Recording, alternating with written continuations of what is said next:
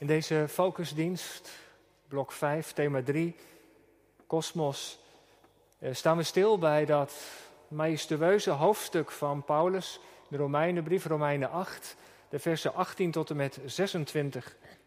Maar Paulus schrijft terug op de schepping, op wat de bedoeling was van de Heere God. En daarom lezen wij het boek Genesis allereerst een paar versen uit hoofdstuk 1. Het eerste scheppingsmandaat, om zo te zeggen, en dan uit hoofdstuk 2, het tweede bericht daarover. Genesis 1 vanaf vers 26 tot en met 28. Deze woorden. En God zei: Laten wij mensen maken naar ons beeld, naar onze gelijkenis. Laten zij heersen over de vissen van de zee, over de vogels in de lucht, over het vee, over heel de aarde en over alle kruipende dieren die over de aarde kruipen. En God schiep de mens naar zijn beeld. Naar het beeld van God schiep hij hem, mannelijk en vrouwelijk schiep hij hen. En God zegende hen, God zei tegen hen, wees vruchtbaar, word talrijk, vervul de aarde en onderwerp haar. Heers over de vissen van de zee, over de vogels in de lucht en over de dieren die over de aarde kruipen. Tot zover deze eerste opdracht en dan gaan we naar het tweede scheppingsbericht. Dat gaat over de tuin waarin God de mens plaatst. We lezen 2 vers 15. En de Heere God nam de mens en zette hem in de hof van Ede, om die te bewerken en te onderhouden. En dan maken we de sprong naar het Nieuwe Testament, naar dat hoofdstuk van de apostel Paulus. Dat hoofdstuk waar het wel 17 keer gaat over de, de geest van God. Eerst in het leven van de gelovigen, maar, maar dan komt hij tot een soort kleine theologie van de schepping. En daar zal het vanavond vooral over gaan. Romeinen 8, de versen 18 tot en met 26. En daar schrijft de apostel, want ik ben ervan overtuigd dat het lijden van de tegenwoordige tijd niet opweegt tegen de heerlijkheid die aan ons geopenbaard zal worden. Met rijkhalsend verlangen immers verwacht de schepping het openbaar worden van de kinderen van God. Want de schepping is aan de zinloosheid onderworpen. Niet vrijwillig, maar door Hem die haar daaraan onderworpen heeft. In de hoop dat ook de schepping zelf zal bevrijd worden van de slavernij van het verderf. Om te komen tot de vrijheid van de heerlijkheid van de kinderen van God. Want wij weten dat heel de schepping gezamenlijk zucht en gezamenlijk in barnesnood verkeert tot nu toe. En dat niet alleen, maar ook wij zelf die de eerstelingen van de geest hebben, ook wij zelf zuchten in onszelf. In de verwachting van de aanneming tot kinderen, namelijk de verlossing van ons lichaam. Want in die hoop zijn wij zalig geworden. Hoop die gezien wordt is geen hoop. Immers wat iemand ziet, waarom zal hij dat nog hopen? Maar als wij hopen wat wij niet zien, dan verwachten wij het met volharding. En evenzo komt ook de geest onze zwakheden te hulp. Want wij weten niet wat wij bidden zullen zoals het behoort, maar de Geest zelf echter pleit voor ons met onuitsprekelijke verzuchtingen. Tot zover de lezing van de woorden van God. Zalig zijn we als die woorden niet alleen horen, voor kennisgeving aannemen, maar ze in ons hart hebben en er ook naar leven. Het gaat in dit Bijbelgedeelte over de schepping die zucht, de mensen die zuchten en de geest die zucht. En we denken vooral vanuit het thema van focus na over de schepping die zucht. Vandaar het thema van de verkondiging, de zuchtende schepping. En in dat alles is er een roep, een stille roep, een hoorbare roep om de komst van het koninkrijk van God. Focus blok 5, thema 3, de kosmos. En het thema voor de verkondiging vanmiddag, vanavond, is de zuchtende schepping. En ik nodig u uit om uw Bijbel in ieder geval maar gewoon open te hebben. Want het hoofdstuk van apostel Paulus is ja, zo fundamenteel van belang. Maar het zijn hele dichte, gecondenseerde zinnen die Paulus daar uh, allemaal schrijft. Maar wel heel diep en heel veel van betekenis. Mijn preek bestaat uit vijf punten. Ik zal ze noemen zodat u makkelijk kunt meeschrijven. Gemeente van Christus, broeders en zusters hier in de kerk, u thuis met ons verbonden. Het eerste punt wat corona ook laat zien. Ik las dat in de stad Wuhan, waar het allemaal begonnen is met het coronavirus, ze de vogels weer horen fluiten. Jarenlang werden er geen vogels gehoord vanwege de fabrieken en alle economische activiteiten. Deze week, las ik, was er voor het eerst in tijden op meer dan 200 kilometer afstand de Mount Everest weer te zien, de hoogste berg ter wereld. Doordat alles in Nepal stil ligt, is er geen smog meer en was de berg van heinde en ver te zien. Nu vliegtuigen bijna niet meer vliegen, is de lucht schoner geworden. Nu er minder auto's rijden op de weg, is er minder file en minder uitstoot van stikstof. Wat is er eigenlijk in korte tijd door het coronavirus veel op aarde veranderd? Natuurlijk, de gevolgen zijn groot. Niet in de laatste plaats voor de zorg en de mensen die ziek worden, voor bedrijven, voor scholen, voor kerken, voor het onderlinge contact tussen mensen, heel veel verdrietige en schrijnende situaties zijn er soms ook in ons eigen gezin of familie. En hoe moeilijk dat allemaal ook is, voor de schepping is het een zegen. De natuur ademt ervan op. Doordat veel economische activiteiten stil liggen, komt de aarde eindelijk tot rust. Want als er één ding de laatste tijd wel duidelijk is geworden en steeds meer tot ons doordringt, dan is dat wel dit. Zo kunnen we niet doorgaan. We plegen roofbouw op de schepping van God. En als je de berichten zo de laatste tijd tot je laat doordringen, je wordt er niet vrolijk van.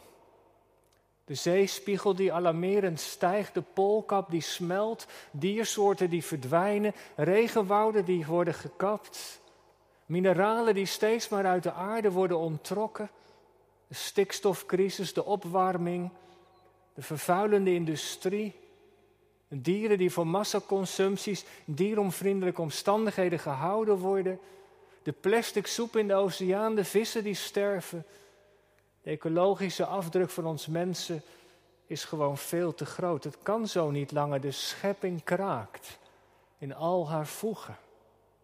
Of om het Bijbelse te zeggen, de schepping zucht. En dat is het beeld dat apostel Paulus in Romeinen 8 gebruikt. Om precies te zijn in vers 22. Wij weten, zegt de apostel, dat heel de schepping gezamenlijk zucht. En gezamenlijk de schepping in al haar delen in baresnood verkeert tot nu toe. En omdat Paulus in het vers daarna pas over de mens begint te spreken, gaat het in die eerste paar versen over de natuur en over de dieren. De natuur en de dieren zuchten, zegt Paulus.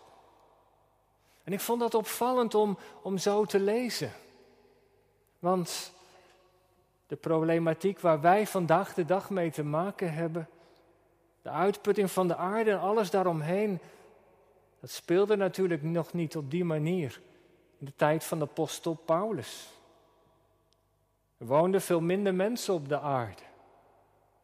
En toch schrijft Paulus dit. En ik denk toen Paulus aan deze brief bezig was, dat de Heilige Geest apostel dieper liet kijken.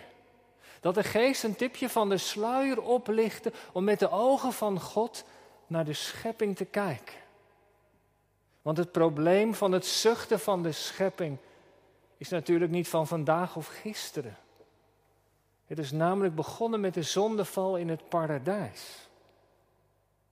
Sinds die tijd zucht de schepping en is zij in barensnood. En met het verloop van de eeuwen zijn de weeën van die barensnood steeds heviger geworden. Het tweede punt was Paulus en de zuchtende schepping. De pijn en het lijden, het zuchten van de schepping wordt heviger en heviger.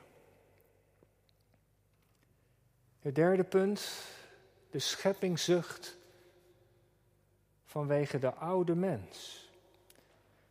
Want je zou natuurlijk de vraag aan apostel Paulus kunnen stellen: waar komt nou dat zuchten van die schepping vandaan? Dat tipje van die sluier dat de geest hem laat, laat zien met de ogen van God naar de wereld waarin hij leeft. Waar komt dat zuchten nou vandaan? Nou, Paulus is daar, daar niet onduidelijk over. Twee dingen noemt hij. Vers 20. De schepping is, zegt hij, is aan de zinloosheid onderworpen. En het Griekse woord dat hij hier gebruikt, heeft een aantal betekenissen: vruchteloosheid, nutteloosheid, leegheid. Paulus zegt de schepping is vergankelijk. Ze gaat om zo te zeggen in cirkels rond zonder dat er een duidelijk doel is, zonder dat ze ergens uitkomt.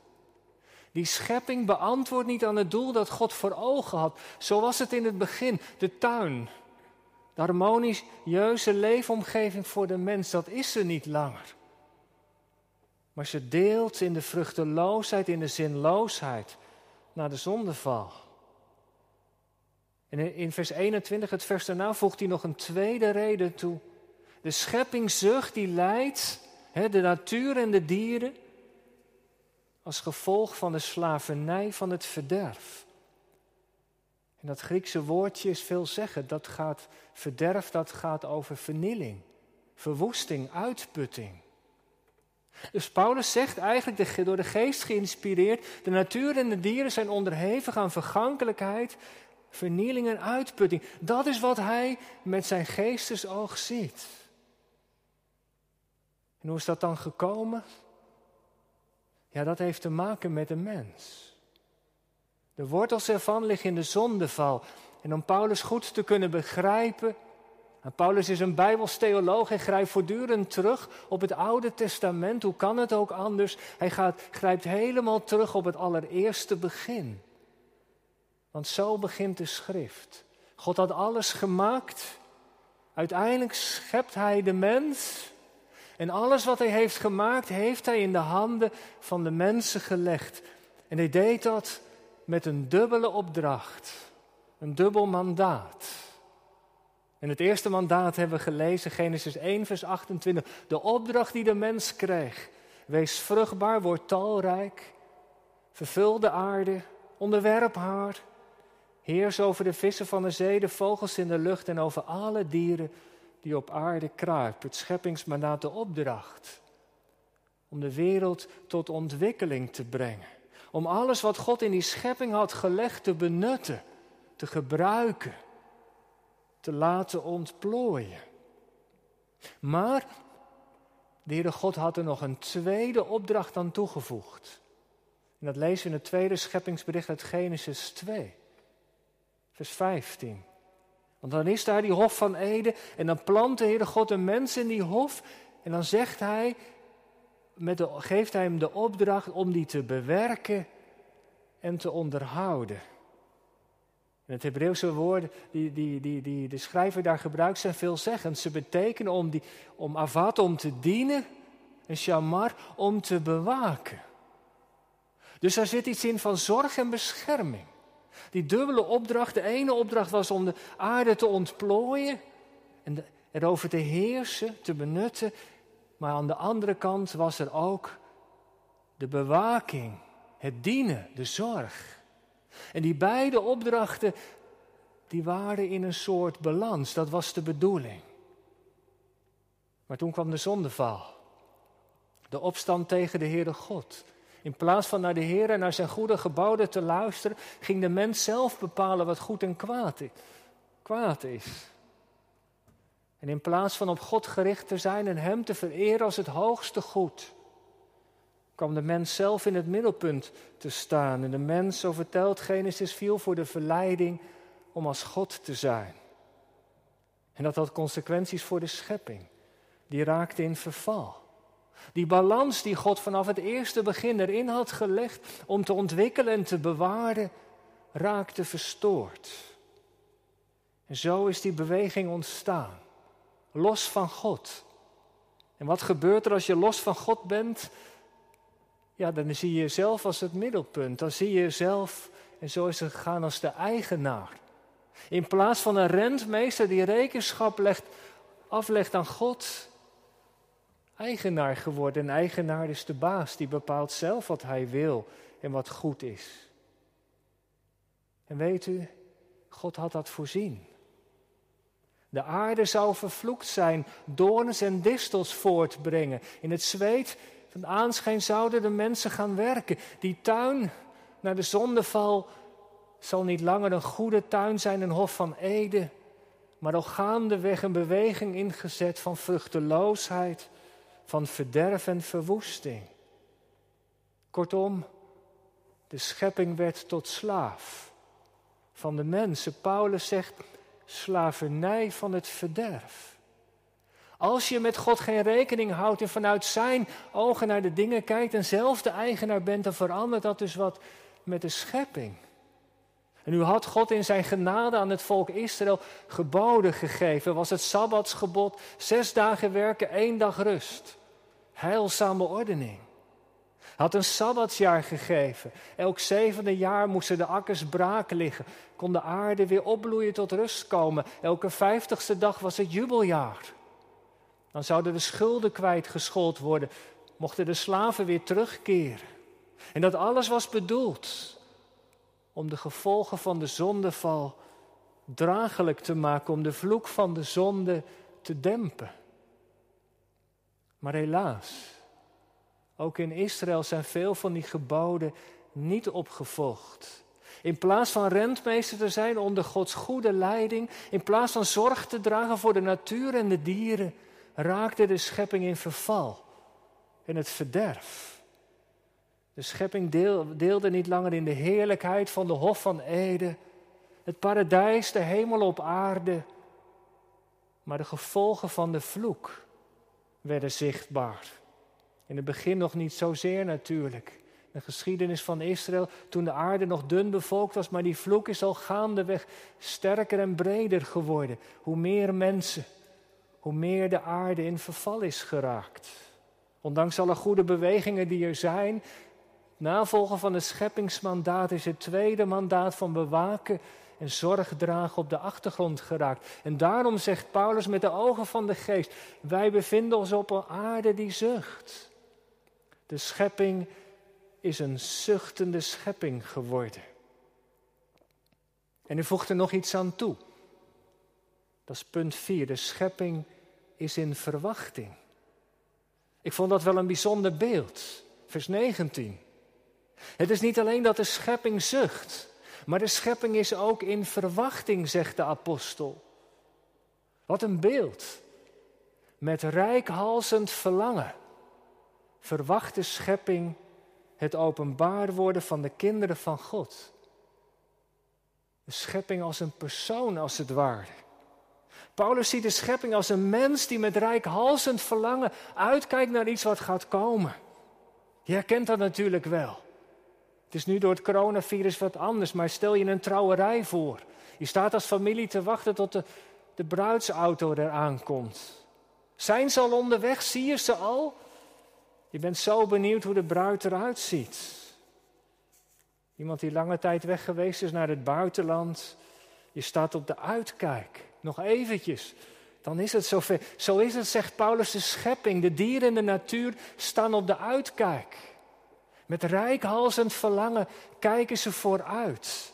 Wanneer komt het? Wanneer komt hij of wanneer komt zij die alles gaat vernieuwen? Paulus schrijft het zo. De schepping, vers 19, verwacht het openbare worden van de kinderen van God. De natuur wacht op iets met wat met de mens gaat gebeuren. God gaat namelijk de mens herstellen. En wanneer de mens volledig hersteld is, zal ook de natuur zich gaan herstellen. En weet u, weet je, heel de theologie van apostel Paulus wordt gedragen door deze gedachte. En dat is tegelijkertijd voluit evangelie. God laat Israël niet los, waarmee die is begonnen, maar hij laat die schepping ook niet los. Deze wereld die door de zonde is gevallen die door ons handelen in het verderf is geraakt. God gaat deze wereld vernieuwen. Hij schrijft haar niet af. Er komt een dag Dat allen die de Jezus toebehoren zullen opstaan in een nieuw leven. Zij die Hem geloven zullen worden vernieuwd. En even tussen haakjes, dat, dat, dat, dat voert voor vanavond te ver. Maar daar moeten we het nog wel een keer over hebben in de gemeente, over de eindtijd. En wat het laatste Bijbelboek daarover zegt. Want er wordt gesproken over een duizendjarig rijk. Daar spreken veel profetische geschriften over. Een duizendjarig rijk voorafgaand aan de dag van het laatste oordeel, voorafgaand aan de nieuwe hemel en de nieuwe aarde. En dat is een vraag waar Paulus nu op doelt. Op de periode van het duizendjarige rijk of op de periode van de nieuwe hemel en de nieuwe aarde. Dat is hier nog niet zo duidelijk. Daar moeten we nog wat meer op studeren, om zo te zeggen.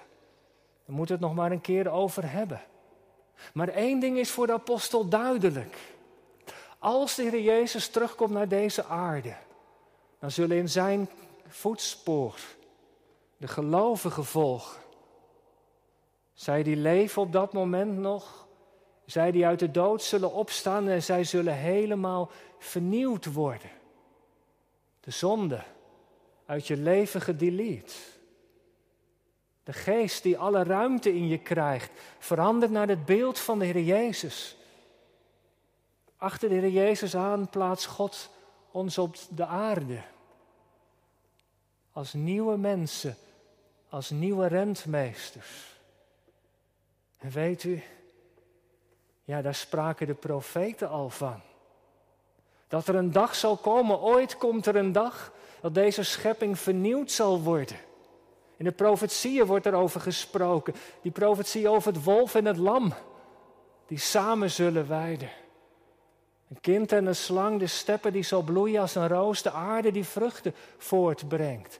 Ooit komt er een dag. En Paulus zegt, de schepping is in verwachting. De natuur en de dieren zijn in verwachting van dat moment. Als de Heer Jezus komt met zijn vernieuwde volgelingen.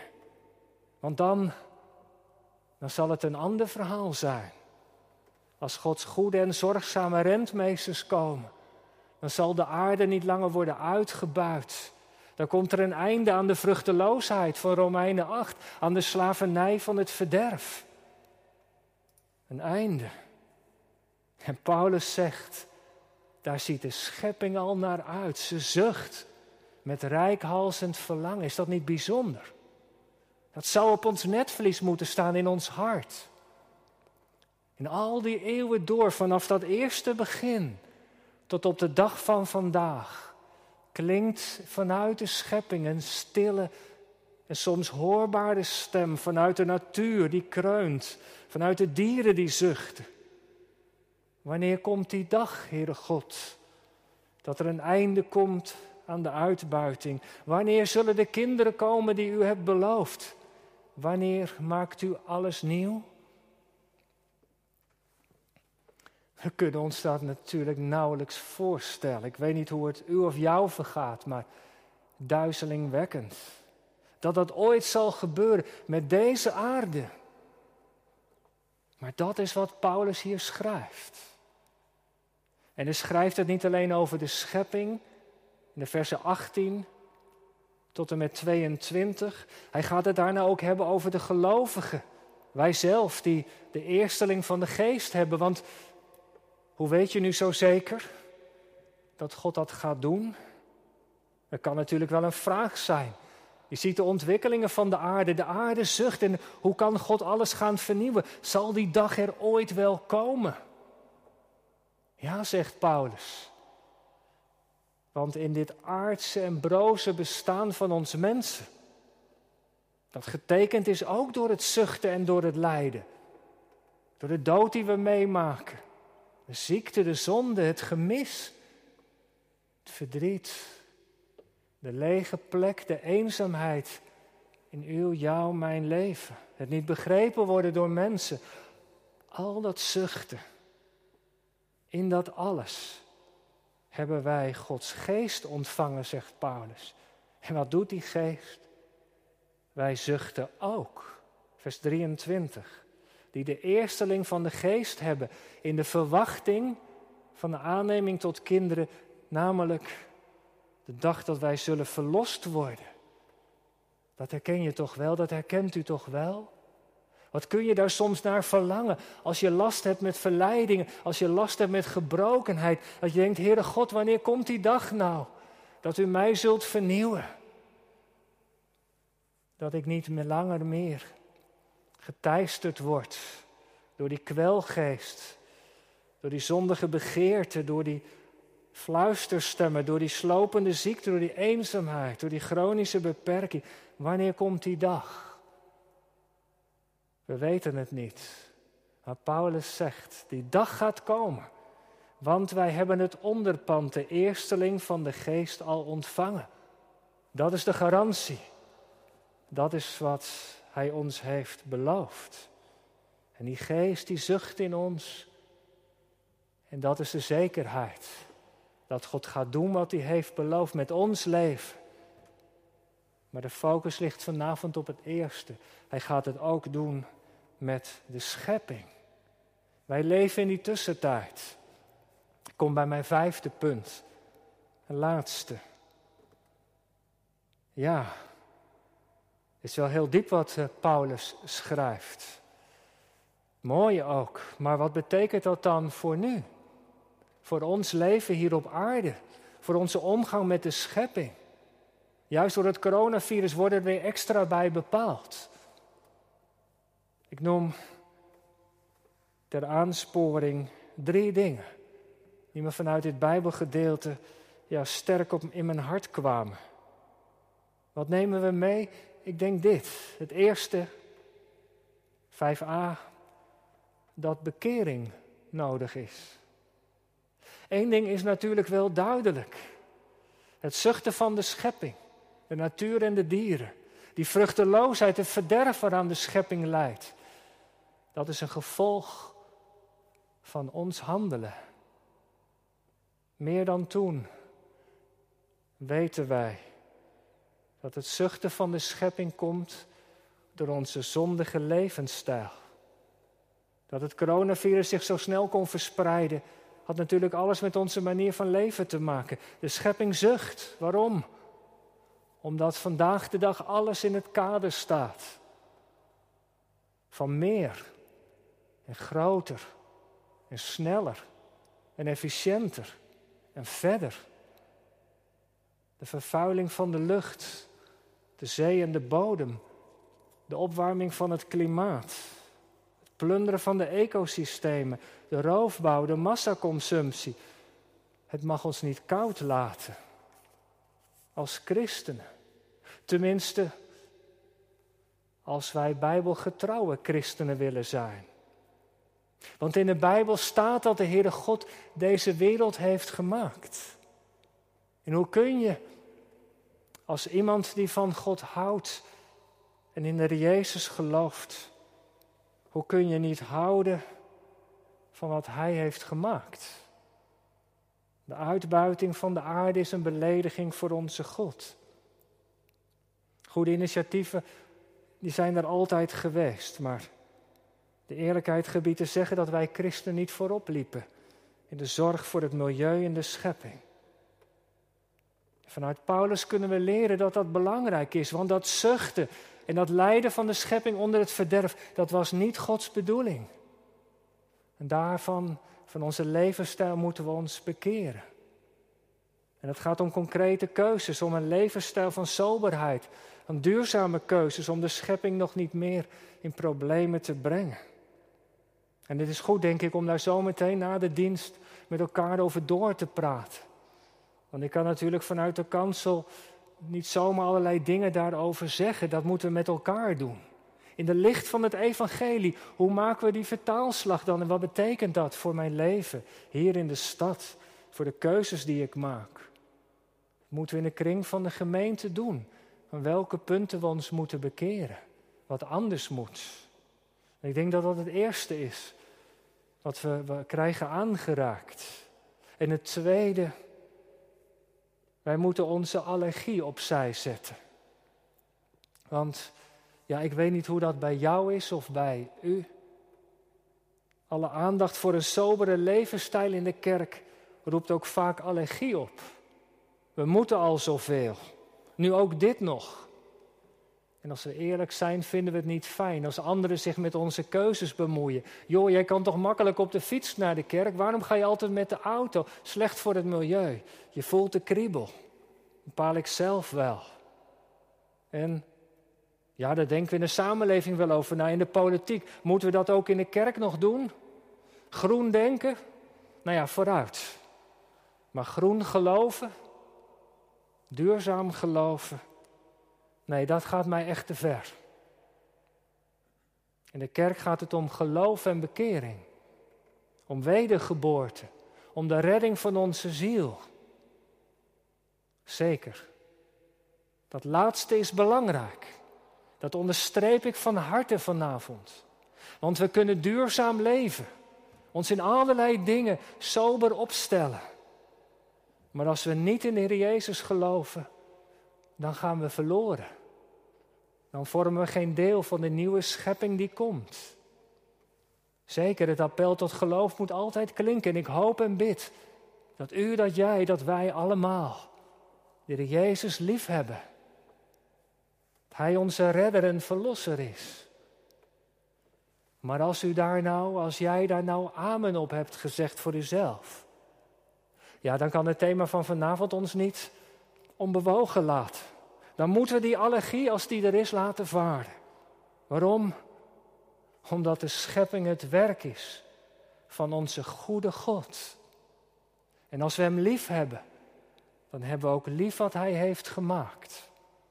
Dan behandelen we dat als een kostbare schat. En dan 5c het laatste. Het trof mij. Het trof mij in het bijzonder. De schepping zucht, zegt Paulus. De mensen, wij mensen zuchten. Maar de geest van God, die zucht ook. Heeft u daar wel eens bij stilgestaan? Vers 26. De geest zucht met onuitsprekelijke verzuchtingen. God die de schepper is, de scheppergeest is in deze schepping aanwezig. Hij is betrokken op de wereld, op de natuur, op de mensen, de dieren. Maar hij deelt in het lijden. Vanwege het verderven en de vruchteloosheid. God is schepper, Gods geest die zucht mee. Hij leidt mee onder de last van het kwaad en de misère. Zou dat ons niet ter harte moeten gaan? Dat God leidt onder wat ik doe of nalaat. Dat, dat zou mijn hart toch moeten breken. Als God mij het heil in de Jezus Christus heeft willen schenken, dan kan ik wat de schepping betreft toch niet achteroverleunen. Nee, dan draag ik uit dankbaarheid mijn steentje bij. Ook al is die maar klein, ook al is het maar een druppel op een gloeiende plaat. Paulus zegt, de geest zucht mee. Hij komt in onze zwakheden te hulp. De geest die trekt aan ons. Hij trekt ons richting de toekomst van God. Hij vernieuwt ons hart en denken. Kom, scheppergeest, voltooi wat u bent begonnen. En Hij is het die ons helpt in het zoeken naar wat goed is voor mens en dier. En we zijn het aan onze redder verplicht. Straks zal Paulus verder in het hoofdstuk over de Jezus spreken. God die zijn eigen zoon niet gespaard heeft, maar voor ons allen heeft overgegeven, zal hij ons met hem niet alle dingen schenken. Dat is de God die onze schepper is, die ons het beheer over zijn goederen heeft toevertrouwd. En als niets ons van zijn liefde kan scheiden, ja, dan mogen wij ons inzetten voor de schepping. Het hangt niet van ons af, maar, maar we zijn wel geroepen uit liefde voor onze schepper. Broeders en zusters, laten we horen de roepstem van de geest vanuit Romeinen 8. En laten we daarnaar luisteren. Amen.